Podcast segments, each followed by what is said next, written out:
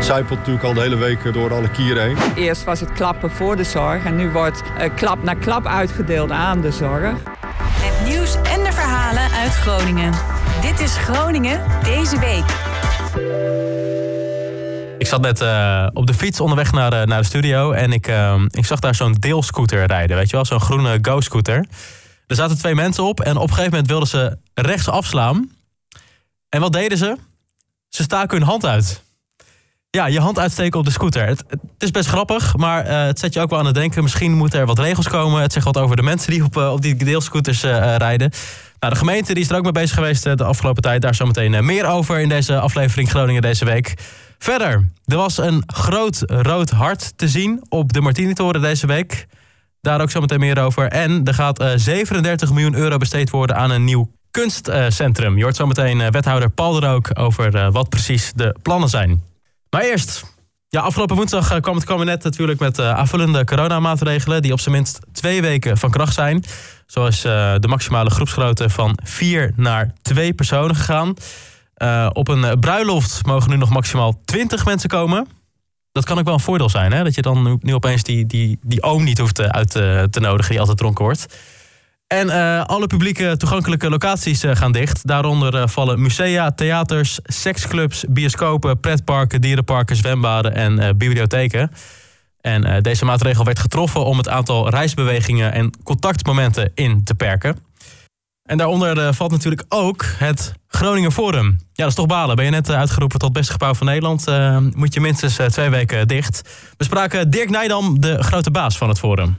We hadden het wel aanzien komen, hè, want het, uh, het zijpelt natuurlijk al de hele week een beetje door alle kieren heen. Maar uh, helemaal dicht is het een beetje het ergste wat er is. Hè. Dat is er ook uh, geen geld meer te verdienen. De kosten lopen wel voor een heel groot deel door.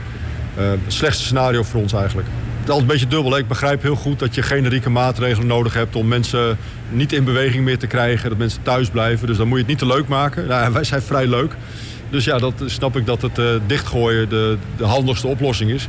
Maar voor ons is het wel heel teleurstellend. Hè. Wij hebben natuurlijk een heel, heel gek jaar van de hoogste hoogtepunten tot uh, ja, dit is wel het diepste dieptepunt. Voor de tweede keer gewoon de deuren dicht moeten gooien. Dat, is, uh, ja, dat hakt er wel. Nou, dat betekent gewoon echt dat wij uh, eigenlijk alle functies dichtgooien. Het museum, de expositiezalen, filmhuis gaat dicht, de horeca was al dicht. De bibliotheek gaat dicht, alleen mensen kunnen wel boeken bestellen online en dan in de hal komen ophalen. Dan liggen ze mooi voor hun klaar. Dus uh, zo proberen onze gasten nog wel enigszins te voorzien. Onze kosten uh, lopen wel door. Hè. Het is niet zo dat we nu uh, vanaf vanavond geen huur meer betalen bijvoorbeeld. En het is niet dat het personeel in één keer gratis is geworden. Dus ja, de kosten gaan gewoon door.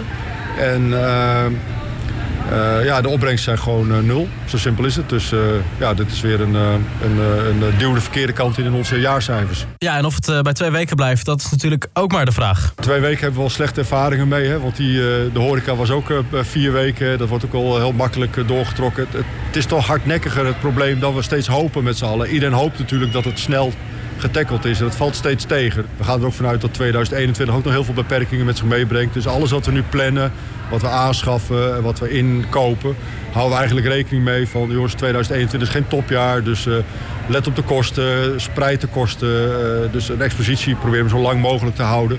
Zodat je toch uh, wel een expositie hebt die kwaliteit heeft, maar dat je de kosten een beetje kunt verdelen over de periode. En nou ja, zo proberen we er het beste van te maken, zoals al onze collega-instellingen dat ook doen op dit moment. Ja, en toch kan er misschien nog een beetje hoop zijn uh, voor het Forum. Uh, want afgelopen woensdag is op uh, aandringen van Jesse Klaar van GroenLinks... toch nog een aanpassing gemaakt in deze maatregel. Buurthuizen en bibliotheken mogen open blijven voor georganiseerde activiteiten... zoals huiswerkbegeleiding en georganiseerde en besloten dagbesteding voor kwetsbare personen. Ook mensen met problemen kunnen op afspraak terecht bij buurthuizen. En reden hiervoor is dat deze plekken een maatschappelijke functie hebben... voor bijvoorbeeld mensen die eenzaam zijn... En het gaat er dus om zolang de inloopfunctie van de instellingen maar dicht gaat. Ook uh, kun je ook nog gewoon uh, je boeken afhalen. Ja, en ook het Groningen Museum moet dus twee weken de deuren sluiten. En je hoort nu Willemien Bouwers, dat is de woordvoerder van het Groningen Museum. We waren natuurlijk al wel een beetje op voorbereid. Hè? Maandagochtend was het nieuws al uitgelekt dat de musea waarschijnlijk zouden sluiten. Maar goed, als dan hè, gisteravond toen die bevestiging kwam, was het wel, wel even rauw op ons dak. Toch wel. Ja, teleurstelling. Als het bij deze twee weken blijft, dan komt alles uh, goed. Uh, maar als het nog weer verlengd wordt, is dat voor ons wel een groot probleem. We lopen dan natuurlijk veel inkomsten mis. Dus dat is, dat is zeker een probleem. Ja, en dat het ook juist nu gebeurt is natuurlijk wel extra vervelend voor het Groningen Museum. Want ze zijn nu druk bezig met, ja, je kan wel zeggen, de tentoonstelling van het jaar. De Rolling Stones tentoonstelling. Nou, de opbouw gaat gewoon door. Uh, dat is het goede nieuws. Het geruststellende nieuws ook. En uh, de tentoonstelling gaat gewoon door. Um, alleen, ja, het zou openen op 14 november. De eerste week was ook al volledig uitverkocht. Uh, mensen krijgen uh, hun ticket uh, retour. En ja, we hopen natuurlijk dat iedereen weer alsnog komt als we weer open zijn. we hebben ook de tentoonstelling op drie verdiepingen geplaatst. dat zou eigenlijk in twee, op twee verdiepingen zijn, maar dat is op drie verdiepingen. Ook om ervoor te zorgen dat er niet te veel mensen op één plek zijn. er is een extra trap gebouwd. We gaan tickets verkopen per week. Dat heeft ook alles te maken met de coronamaatregelen en de onzekerheid. Ja, we hebben echt heel hard gewerkt. Uh, we hebben zelfs uh, Rolling Stones uh, mondkapjes laten maken. En ja, aan ons ligt het niet. Maar we leggen ons uiteraard neer bij de maatregelen die er zijn genomen. De, deze tentoonstelling is daarna op een ander museum te zien.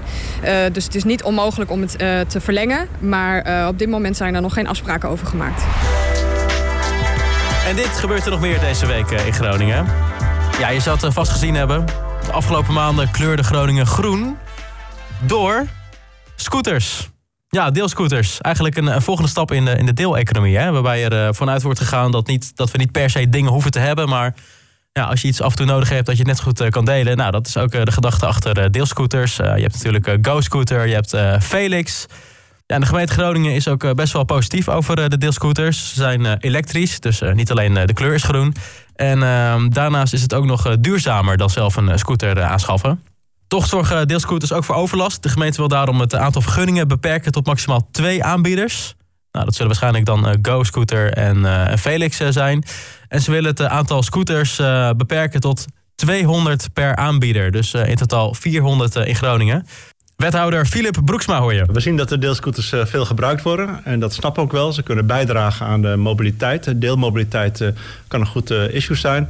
Maar het moet niet ten koste gaan van de openbare ruimte. Daar zijn we als gemeente en als college trots op. Die willen we ook goed beschermen. En we zien nu dat de deelscooters ook zorgen voor een, een beetje verrommeling van de openbare ruimte. Ze staan op plekken waar je ze eigenlijk niet hebben wil. Op de stoep, op het gras. En we willen dat aan banden leggen. We willen bijvoorbeeld uh, eisen dat uh, de, de, de, deelscooters niet overal zomaar geparkeerd kunnen worden, maar dat het op vaste plekken komt. Dat dat bij de stations en bij de PNR's, dat daar altijd um, deelscooters geparkeerd staan, zodat je ook weet als je de bus kiest en je komt op een PNR terecht, dat er een deelscooter voor je klaar staat om je laatste stuk te, te rijden. Ja, lijkt me ook erg handig. Ik kan me ook nog wel herinneren dat een keer midden in de nacht iemand een Go-scooter midden op de weg had geparkeerd. Ja, dat is natuurlijk niet handig. Daarnaast uh, komt er trouwens ook een minimumleeftijd voor Go-scooters. Die gaat naar 18 jaar. En het gebruik van deelscooters is waarschijnlijk dan ook niet in de nacht meer toegestaan. Nog wat leuke feiten trouwens die uit een onderzoek naar voren kwamen. de gemiddelde leeftijd van gebruikers op, op deelscooters is 25 jaar oud. De gemiddelde rit van een Go-scooter is op dit moment 3 kilometer. En een deelscooter legt gemiddeld uh, eh, 5 tot 8 ritten per dag af. Ja, je hebt er verder niks aan, maar misschien toch leuk om te weten. En dit gebeurde nog meer deze week in Groningen. Ja, afgelopen maandag kon je een projectie zien op de Martini-toren. Dat is vaker gebeurd, hè, afgelopen maanden. Maar afgelopen maandag kon je een groot rood hart zien. En de hashtag omarm de zorg en het logo van FNV. Ja, vakbond eh, FNV heeft dit eh, gedaan om aandacht te vragen voor meer waardering en eh, betere arbeidsvoorwaarden voor het zorgpersoneel. De projectie was de start van de online campagne Omarm de Zorg. Je hoort nu Camara van der Spoel van het FNV. Wij roepen alle Nederlanders op uh, om uh, achter uh, hè, onze oproep aan het kabinet te gaan staan om de salarissen in de zorg structureel te verhogen. Dus niet alleen een eenmalige zorgbonus, die wij iedereen van harte gunnen, maar er moet echt structureel meer geld bij, omdat de salarissen al jarenlang achterlopen bij andere marktsectoren. En we willen een aantrekkelijke zorgsector waar mensen graag in willen werken. En we willen de werkdruk omlaag brengen. Dus nou ja, dat, daarvoor is gewoon echt meer geld nodig. Eerst was het klappen voor de zorg en nu wordt uh, klap na klap uitgedeeld aan de zorg. Want zo voelde het ook voor mensen van, van ja, klappen dat is heel makkelijk. Maar ja, daar betaalt niemand zijn brood mee bij de bakker. Er moet nu gewoon ook echt wat gebeuren. Niet alleen in woord, maar ook echt in daad. En dat, dat die motie die dan is aangenomen uiteindelijk weliswaar door een fout, maar dat die dan weer naast zich neer wordt gelegd door de regering, ja, dat vinden wij echt schandalig. Dus wij hopen dat bij de begrotingsbehandeling in december, dat, uh, nou ja, dat de regering dan echt uh, tot inkeer komt en uh, geld erbij beschikbaar stelt. Ja, terwijl deze projectie bezig was op de Martini-toren, stonden er ook een aantal zorgmedewerkers op de grote markt met een spandoek. Zo ook uh, thuiszorgmedewerker Sonja Zuur. Het is uh, heel dubbel. Je, je komt heel graag bij de mensen thuis natuurlijk. Maar in deze periode is het toch best spannend om bij de mensen thuis te komen. Want je weet niet of er corona is of in de omgeving. Maar ja, je doet je werk en uh, dat gaat gewoon door. Nu lopen de mensen weg bij de zorg omdat het te zwaar is en dus flink onderbetaald is. En als het wat meer, de lonen wat omhoog gaan, dan wordt de zorg weer aantrekkelijker. En wordt de werkdruk ook minder. En dit gebeurt er nog meer deze week in Groningen. Het gemeentebestuur trekt 37 miljoen euro uit voor het nieuwe kunstcentrum aan de Sint-Janstraat. Het gaat om een kunstcentrum Vrijdag. De bedoeling van het centrum is dat uh, vanaf 2024 alle kunstdisciplines bij elkaar zitten in een ja, soort open, uitnodigend gebouw. Nu zijn nog de afdelingen muziek, theater en beeldende kunst apart gehuisvest. En dat moet dus één groot gebouw worden. Daarnaast eh, zijn de drie eh, bestaande gebouwen eh, verouderd, niet duurzaam en slecht toegankelijk voor minder valide. Je hoort wethouder Paul er ook. We zien nu dat uh, vrijdag, uh, dat is onze instelling die uh, mensen helpt met, met deelname aan cultuur. Dus om het zelf te maken en te doen. Die zitten nu in drie panden die ernstig verouderd zijn. Dus dat moet, dat moet echt een keer opgeknapt worden. Dus we hebben dat bekeken en eigenlijk geconcludeerd dat je eigenlijk met nieuwbouw is eigenlijk ongeveer net zo duur als je het zou renoveren. En je voegt ontzettend veel kwaliteit toe. Dus van ons betreft is, is nieuwbouw voor vrijdag in de Sint-Janstraat, dus midden in de binnenstad, is dat eigenlijk, eigenlijk de beste optie. We hebben dat, dat uitgerekend dat over de komende 40 jaar uh, kost dat 37 eh, miljoen. Dat verdelen we ongeveer de helft. Dus vrijdag betaalt de helft in de huur. En de andere deel doet de gemeente als eigenaar van het, van het pand. En op die manier kunnen we ervoor zorgen dat, dat, dat vrijdag daar op een goede manier kan, gaan, kan gaan zitten. Uh, wat we ook doen is dat we in het project ook woningen toevoegen... en wellicht nog een aantal andere commerciële functies... om ook de kosten ervan nog iets te beperken. En dit was hem alweer, Groningen deze week. abonneer ook op deze podcast. Hè? Dat kan via de podcast-app. Zo krijg je deze podcast elke week op vrijdag automatisch in je, in je podcast-app binnen. Dat scheelt jou gelijk ook weer werk.